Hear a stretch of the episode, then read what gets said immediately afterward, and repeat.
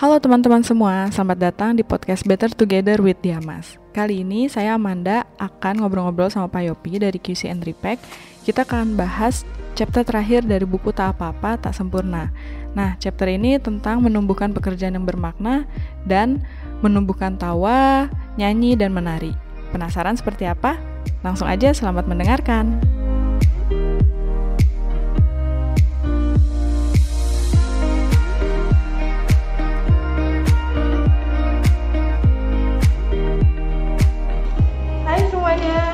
Kembali lagi dengan saya Amanda. Ya kali ini masih saya yang jadi hostnya ya. Semoga teman-teman gak pada bosan. Oke hari ini pasti bakal ngobrol-ngobrol lagi, tapi eh, biasanya kan bertiga. Cuma kalau hari ini bintang tamunya cuma satu nih. Ada langsung aja lah ya gitu. Di sini ada Pak Yopi. Halo Pak Yopi, Hai Bu Manda, gimana kabarnya Pak? baik. Gimana Bu Manda? Baik, Oh, bagus, bagus. Pak, ini sekarang kan kita udah tahun 2022 ya. Ya, Pak Yopi udah berapa tahun sih kerja di sini? eh, kurang lebih sekitar enam tahunan ya. Oh, udah enam tahun. Nggak, kerasa loh Pak, udah enam tahun ya. Gimana sih ker- eh, rasanya tuh udah kerja enam tahun di Diamas? Tolong boleh diceritain? Eh, kerja ya pasti ada suka sama duka. Ya, gimana kita menyikapinya aja sih. Mm-mm. Jadi kalau kita menyikapinya dengan positif ya kita kerja juga enak gitu loh. Oh, Target tercapai, kita eh, kita bikin nyaman kerja kita gitu loh. Jadi kita mesti punya hati lah untuk bekerja seperti itu.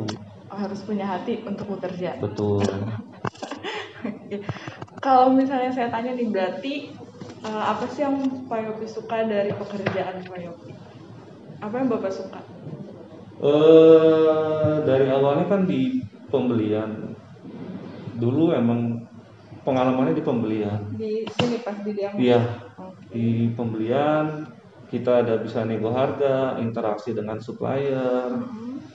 terus kita juga interaksi dengan user. Mhm. Jadi kita eh, bantu mereka untuk memenuhi kebutuhan di pabrik seperti itu.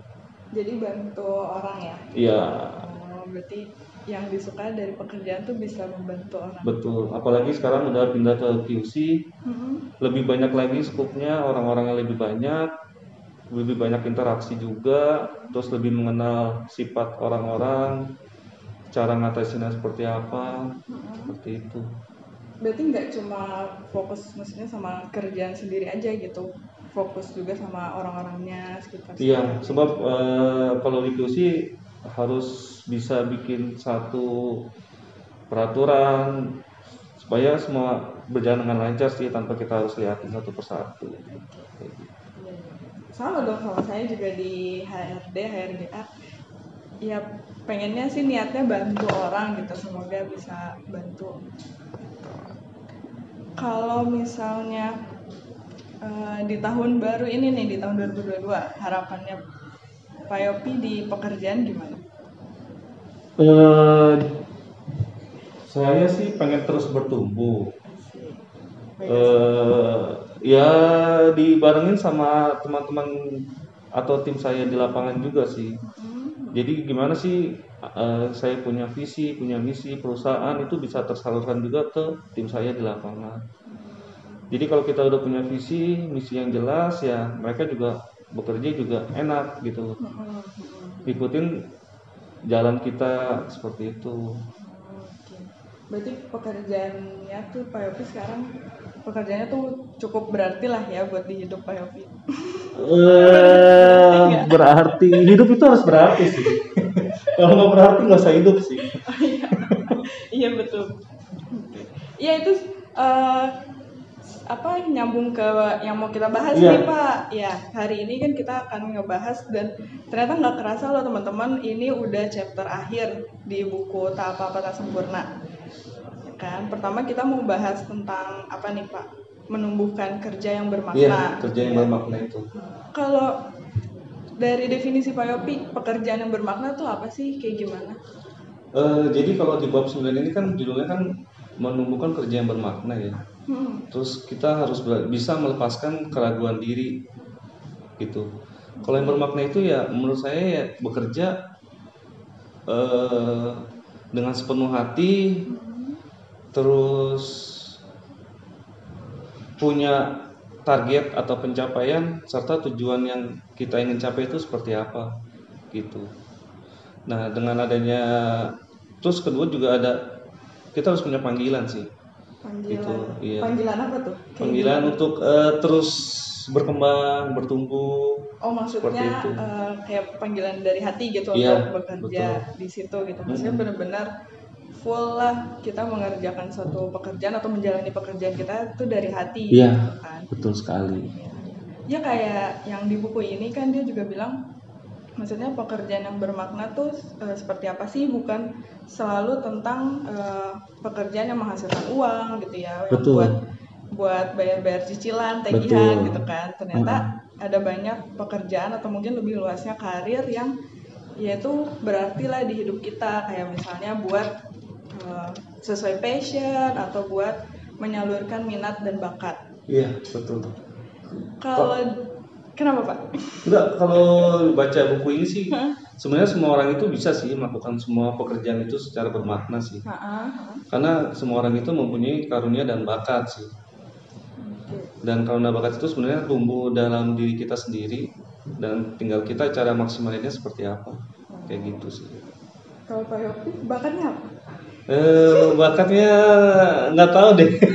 Mungkin orang lain yang bisa menilai ya saya hidup apa adanya aja. Negosiasi. negosiasi bisa. Bakatnya debat, debat. debat debut. Lebih ke kritis aja sih. Oh, jadi kalau ada kritis. Semacam hal yang mungkin agak di luar nalar ya kita mesti bertanya gitu loh kenapa ini begini? Kenapa begitu? Seperti itu. Oh, oke oke. Ya kayak eh, misalnya ya walaupun misalnya belum sepenuhnya misalnya kerjaan kita tuh yang sekarang belum sepenuhnya meaningful atau bermakna tapi setidaknya tuh ada hal-hal yang bermakna nih yang bisa kita ambil dari pekerjaan gitu ya. Misalnya kalau saya nih di HRD atau HRDA eh, niatnya ya mau bantu orang dapat kerja gitu kan. Iya, Nah, itu itu ada kepuasan tersendiri nih kalau bukannya ya asal aja oh ya apa gitu nerima nerima orang gitu. Ya tetap kita sesuai proses rekrutmen seleksi gitu ya. Tapi kalau misalnya ada yang sampai keterima itu kan juga nggak 100% dari saya dari usernya atau manajer juga kan. Kalau ada yang keterima tuh secara pribadi tuh saya kayak seneng gitu loh pak. Kayak alhamdulillah gitu bisa bantu dapat kerja gitu kan. Ya mirip-mirip sih. Saya juga sama sih ketika dapat orang baru dia kita udah jelasin dia bisa bekerja dengan yang kita minta tanpa kita awasin ya kita benar-benar puas banget gitu. Makanya eh, setiap kita punya bakat itu kita harus maksimal itu jadi jangan merasa terbeban sih. Kalau kita terbeban dengan pekerjaan kita ya kita pasti akan frustasi terus ada muncul mungkin dendam ada malu kecewa gitu dan harus diingat emang kita manusia emang punya kesalahan gitu loh. Iya. Bagaimana kita memperbaikinya aja jangan diulang lagi gitu. Karena nggak ada manusia yang sempurna ya. Mm-mm, dan jangan masuk ke lubang yang sama kan seperti itu perumpamaannya. Oh iya. Kalau masuk kan namanya agak-agak gimana gitu. Ya jangan mengulangi kesalahan yang sama gitu lah. belajarlah dari masa lalu gitu Iya. kan. Eh tadi kan Pak Yopi sebut-sebut eh, chapter ini ada tentang keraguan gitu ya Mm-mm. keraguan dan eh, apa nih kayak tanda kutip seharusnya maksudnya apa sih Pak? Iya, eh, kadang-kadang kita kan banyak muncul keraguan dalam diri kita sendiri ya. Mm-mm. Dan kadang-kadang ketakutan itu juga ada terus di, di diri kita gitu loh. Dan ini akan mempersulit kita untuk menemukan karunia di dalam kita sih. Hmm, Seperti iya, itu. iya. kadang kayak muncul apa keraguan di dalam diri yang itu sebenarnya bisa menghambat proses kita buat berkembang Betul. gitu ya menghambat proses buat eh, eksplorasi diri gitu jadi Iya. ya kita mandek aja nggak bisa lebih kreatif gitu kan Mm-mm. sama yang kalau di buku ini nih seharusnya gitu banyak ibaratnya apa ya mungkin kayak standar-standar sosial gitu sih atau standar-standar di kalau kata anak sekarang netizen ya Mm-mm. gitu kan kayak banyak yang komentar seharusnya kayak gini nih seharusnya kayak gini jangan kayak gini gitu. Yang sebenarnya itu nggak ada patokannya itu cuma ya standar-standar yang dibikin sama lingkungan sosial aja kan. Kayak misalnya saya juga uh, sering ngalamin sih pak gitu. Simpelnya deh kayak kalau lagi naik grab naik grab atau gojek gitu kan ditanya waktu zaman kuliah nih kuliah di mana neng? Gitu kan ya di uh, di sini lulus uh, jurusannya apa? Psikologi. Oh bisa baca pikiran dong gitu kan. uh, uh, itu bisa betul. baca pikiran dong. Dia juga. Enggak pak. Itu tuh nggak segitu. Oh enggak ya? Sebenarnya nggak gitu. Oh. sebenarnya nggak gitu. Terus kayak misalnya uh, pertemanan atau punya pacar gitu kan. Anak psikologi kan harusnya pasti bisa ngerti orang lain gitu. Harusnya bisa bisa memahami orang lain ya kita juga anak psikologi kan juga manusia Iya, bukan yang kalau anak psikologi ya, ini kan pandangan umum ya. Mm-mm. Berarti kan bisa mencaca dulu nih kriteria-kriteria yang dia mau nih, terus Mm-mm. bisa baca mungkin bentuk karakter dia punya Mm-mm. perilaku, wajah Mm-mm. mungkin bisa mungkin. Bisa, bisa. Cuma misalnya kayak uh, saya lagi dengerin curhat temen nih, hmm. kadang mau nanya eh apa kadang tanya pendapat gitu atau saran mau sebagai teman apa sebagai apa nih? gitu mm-hmm. sebagai anak psikologi. Karena beda kalau misalnya sebagai anak psikologi kan pasti yang yang seharusnya yang ideal gini-gini. Tapi kan kalau teman ya misalnya teman kita disakitin atau apa pasti kan saya secara emosi juga nggak terima gitu loh. Yeah, jadi ya betul. kita juga manusia lah gitu. Kadang capek juga kalau misalnya harus yang ideal-ideal gitu Betul sih, betul betul. Makanya uh, hidup bersyukur itu tetap harus uh, ada gitu hmm, dan kita betul. itu jangan nggak bo jangan bosan belajar.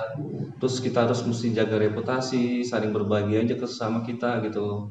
Ya ringankan langkah kita lah, jauhi sikap. Ringankan langkah itu jadi kayak jauhilah sikap iri sama mungkin rekan kerja atau teman. Ada rasa dendam juga itu lebih baik dihilangkan. Kecewa kalau semua rasa-rasa seperti itu udah nggak ada kita mau melangkah juga kayaknya enteng gitu loh. Ringan ya udah kita itu. fokus sama diri masing-masing aja gitu kan diri sendiri nggak usah ngikutin orang atau iya. gimana ya kayak kalau di buku ini tuh ada sebutannya suara setan gitu lah ya.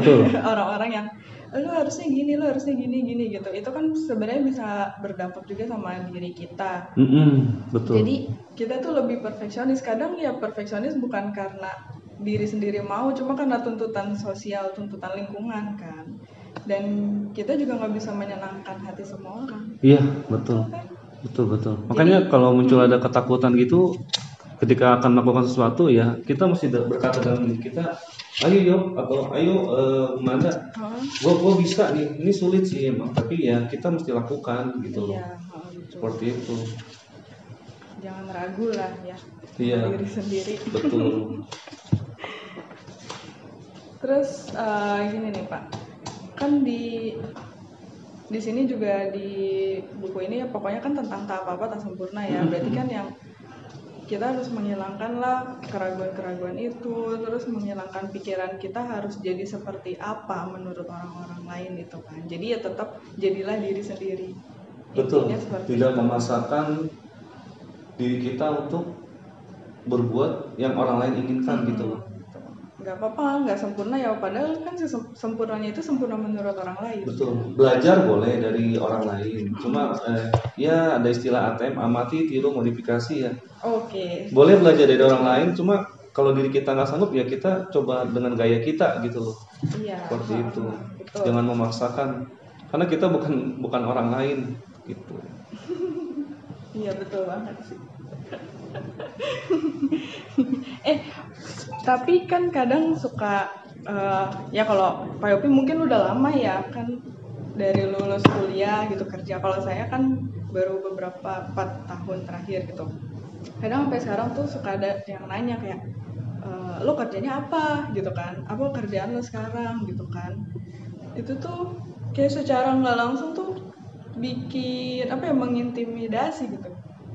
Ya nggak sih kayak semua orang-orang kan juga oh misalnya dijawab kerjanya ini di mana oh nggak tahu atau apa gitu jadi kayak main apa ya kayak ada kompetisi secara nggak langsung gitu kan sama kayak data kekondangan kapan merit kapan Oh, punya iya. anak ya mirip Ah, kali ya ah, kayak gitu Iya kayak gitu sih. Jadi ya ya udah kita nggak bisa nurutin sama yang orang mau kan. iya itu betul betul.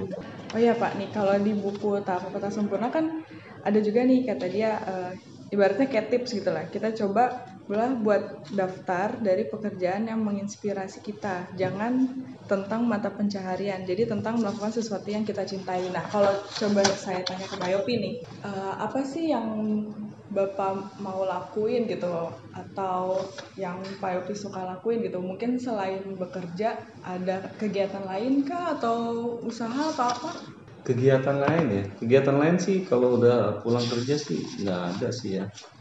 Paling coba-coba usaha ada kecil-kecilan aja. Pengen belajar juga jadi sales bagaimana cara jualan seperti itu. Jadi mau mau apa ya namanya mencari passive income sih istilah kerennya ya. Gitu. Cuma tetap eh, itu sebagai sampingan aja sih. Di waktu luang setelah pulang kerja kalau waktu kerja ya kita tetap kerja. Kayak gitu. Berarti kesibukannya nih ya kalau kayak artis-artis kan kesibukannya apa gitu? Berarti kan nggak cuma eh, kerja aja full time gitu. Mungkin ada sampingan terus yang pastinya ke keluarga lah ya. Iya betul. Kan? Waktu sama anak sama istri gitu, Betul. keluarga.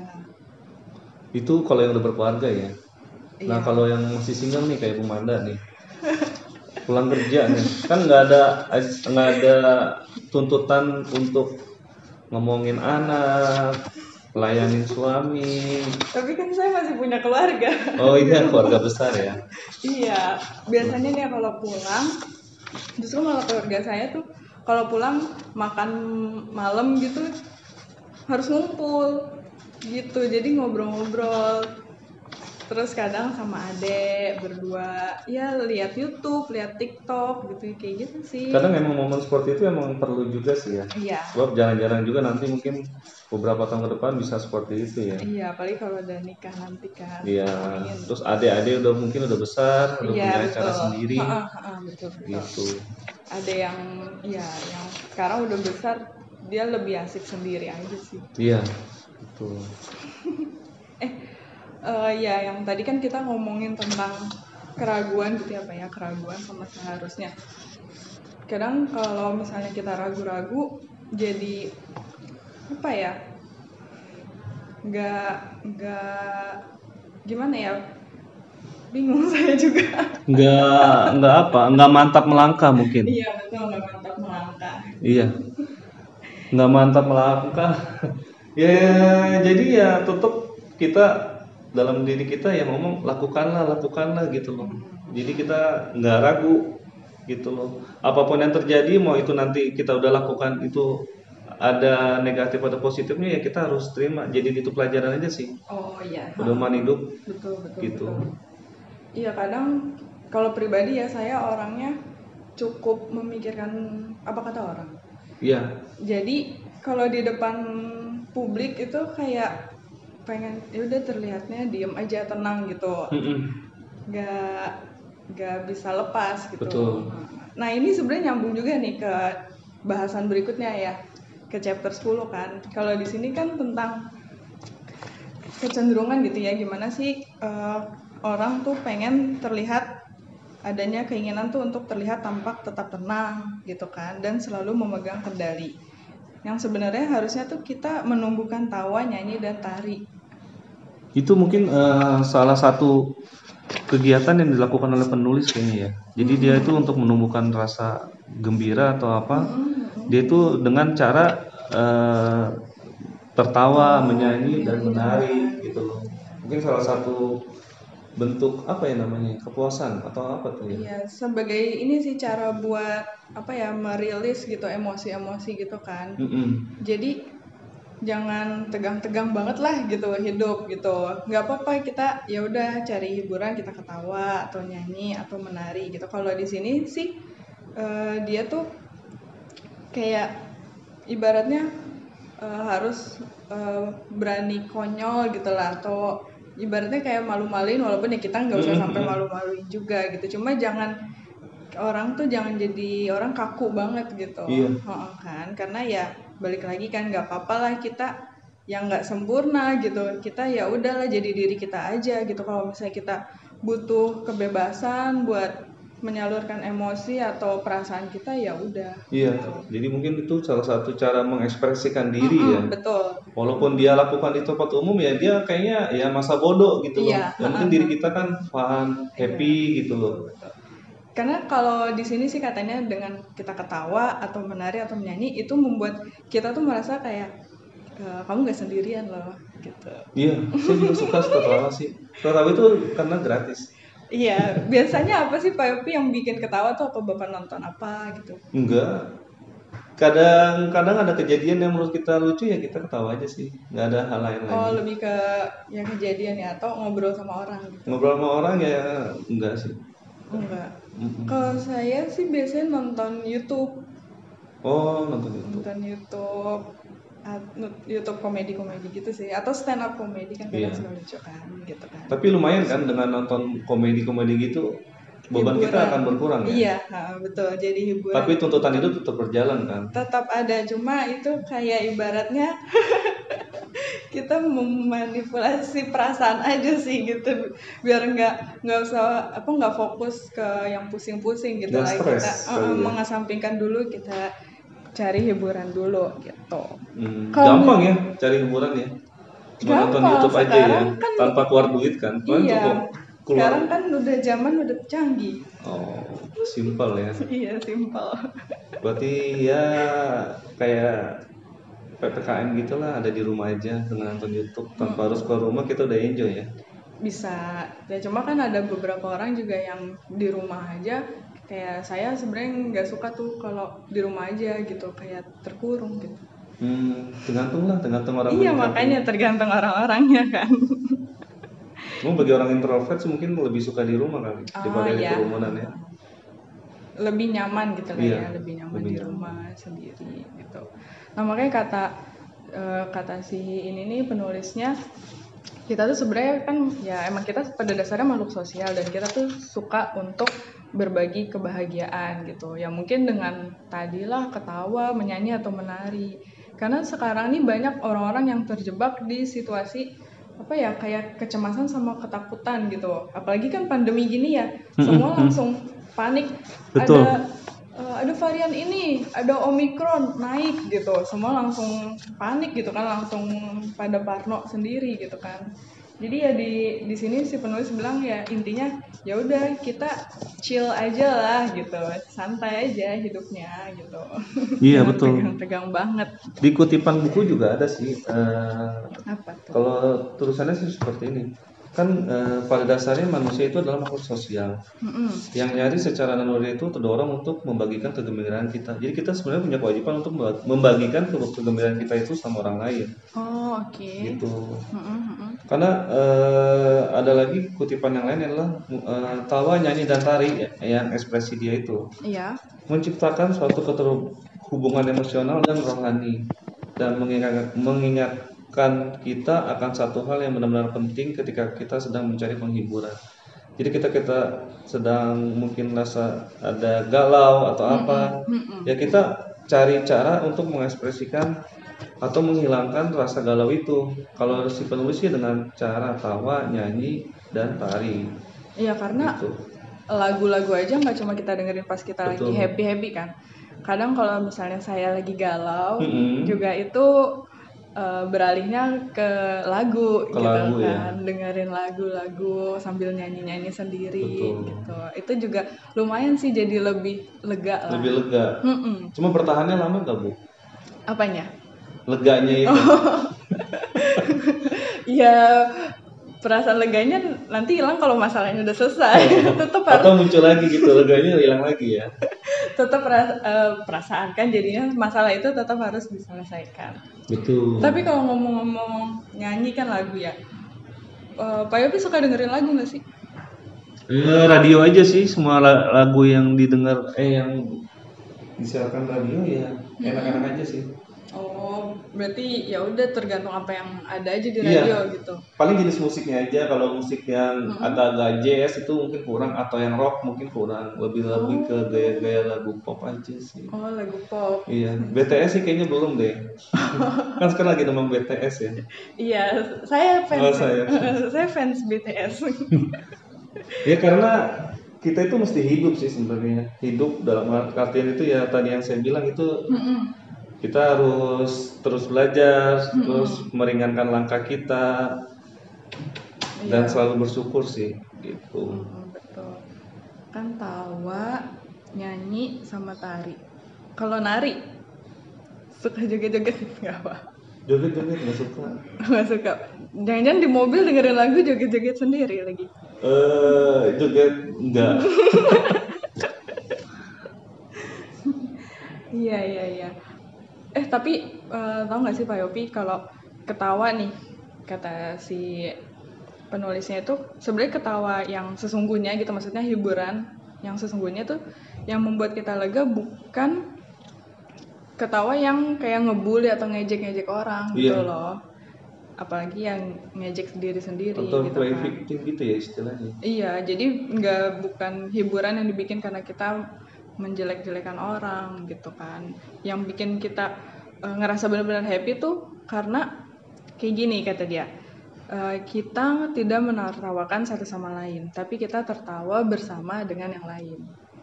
tertawa bareng gitu ya. Mm-mm, jadi tertawa bareng bukan yang ngetawain orang. itu susah loh bisa gak sih Hmm, susah ya karena sekarang lebih banyak ya maksudnya kayak kita lihat di TV TV deh komedi-komedi juga banyak yang tertawa Iya, misalnya ngetawain ya karena ada yang satu dibully atau apa gitu kan. Emang Iya. udah terbiasa mungkin di- eh, jadi budayanya kayak gitu. jadi kalau kita lihat nih yang sekarang komedi kan tertawanya mungkin ya playing victim ada Mm, terus ada bully-bully mm, terus yang mengarah-mengarah ke 18 plus plus juga kan itu jadi bahan tertawaan juga Iya. itu juga bisa ya tertawa positif ya bikin bikin bahan candaan yang positif sih nah ya sedikit sih sekarang sedikit ya. Mm-mm. Ya pokoknya eh, intinya sih kayak dari tertawa, menari atau menyanyi itu kendalanya tantangannya itu adalah eh, banyak yang ngerasa malu gitu sama takut diketahui sama orang. Jadi mereka tuh nggak berani buat lepas, nggak berani buat ibaratnya kan di sini kan katanya tertawalah seperti apa nih Pak? Kan katanya nyanyi seperti tidak ada yang mendengarkan gitu lah ya. Nyanyilah seakan-akan gak ada yang ngedengerin. Terus kita yang menarilah seakan-akan tidak ada yang memperhatikan. Jadi ya benar-benar kita eh, melepas diri aja Iya, gitu kan. betul. Cuma banyak yang orang jadi malu, jadi takut, takut diketawain sama orang, takut dicap jelek, takut dibilang iya aneh gitu, aneh loh gitu kan. Iya. Padahal ya kalau misalnya kita ngutamain eh, apa ya ego kita, diri kita buat dipandang oh ini orang cool, tenang gitu, atau dia bisa megang kontrol daripada kita ngelepas diri kita untuk kasih kebebasan diri kita untuk yang nggak apa-apa konyol atau apa itu sebenarnya kita mengkhianati diri sendiri Iya sih, eh, Iya kan? itu juga jadi membuat kita bersikap ragu-ragu ya. Yang tadi kita bahas di chapter sebelumnya itu. Jadi eh, kita ragu karena kita nggak percaya diri. iya Dan kita tidak melepaskan apa sih yang ada orang ngomong apa kita pikirin gitu loh. Kita nggak lepas. Dan itu yang bikin kita eh, jadi malas gitu ya apa, jadi takut melangkah gitu iya Gitu. ya pokoknya bahasan hari ini tuh ya tentang keraguan Iya. gitu ya tentang eh, ya udah nggak apa-apa kita nggak usah dengerin semua apa kata orang gitu Mm-mm. kita jadi diri kita sendiri aja berilah kebebasan sama diri kita sendiri gitu mungkin Betul. caranya salah satu dengan ya tertawa bernyanyi atau menari gitu. Dan jangan lupa ya kita mesti bekerja secara bermakna aja Iya. gitu loh. Jangan sampai kita kerja setengah-setengah. Meaningful gitu lah ya Sebab karakter kita kan berdasarkan keputusan kita gitu loh. Keputusan kita A atau B dia di eh, beberapa keputusan itu kita kumpulkan yaitu karakter kita gitu loh. itu menggambarkan oh orang itu Iya, seperti itu gitu betul. ya eh nggak kerasa loh Pak Yopi udah la- lama juga ngobrol-ngobrolnya. Oh iya, betul. Kita harus kerja lagi ya, Bu. Iya. ya pokoknya mudah-mudahan eh, ini kan chapter terakhir nih ya Iya. teman-teman. Mudah-mudahan di chapter ini maupun chapter-chapter sebelumnya, pokoknya dari buku Tak Apa-apa Tak Sempurna, ini bisa kasih eh, teman-teman banyak pelajaran gitu ya, banyak insight, banyak ilmu-ilmu yang bisa diambil dari sini. Yang bisa membuat diri kita lebih baik gitu, berkembang lebih baik. Sih. Kalau dari Pak Yopi, ada yang mau disampaikan buat teman-teman? Eh, kalau saya ya dengar kata kerja ya teman-teman juga mesti tahu mesti apa sih yang ada di pikiran kalian kalau di pikiran kalian udah bilang kerja itu capek udah itu lelah ya itu nggak bakal bisa kerja maksimal jadi kita mesti ada sukacita gitu loh sebab kan kita hidup atau terus hidup ini kan 50% itu kan kita waktu kita bekerja gitu Iya. Nah, bekerja itu gimana sih caranya supaya lebih bermakna gitu. Kalau kalian cuma teman-teman bekerja kerja, untuk pulang. mencari makan ya itu benar-benar pekerjaan sih. Cuma kalau kita uh, uh, mencari makan banyak pikiran, kalau di sebelum berangkat sudah banyak pikiran, banyak tekanan, itu nggak bakal bagus sih. Makanya kita mesti sepenuh hati. Terus mesti kalau kita punya energi ya kita mesti kuras gitu sampai maksimal. Karena ya itu bisa menggambarkan sifat kita buat orang lain juga gitu loh. Jangan lihat kepuasan duniawi sih. kepuasan duniawi hanya semata Hanya aja ya. semata. Iya kan pokoknya kan ada tuh kayak quotes-nya eh, lakukan yang kamu cintai atau cintai yang kamu lakukan gitu. Betul betul. Oke deh kalau gitu teman-teman eh, untuk pembahasannya atau untuk ngobrol-ngobrolnya hari ini sampai sini aja. Nanti terima kasih juga untuk Pak Yopi ya udah menyiapkan waktunya. Sama-sama ibu. Oke, nanti teman-teman kita ketemu lagi di episode dan di buku selanjutnya. Terima kasih. Dadah.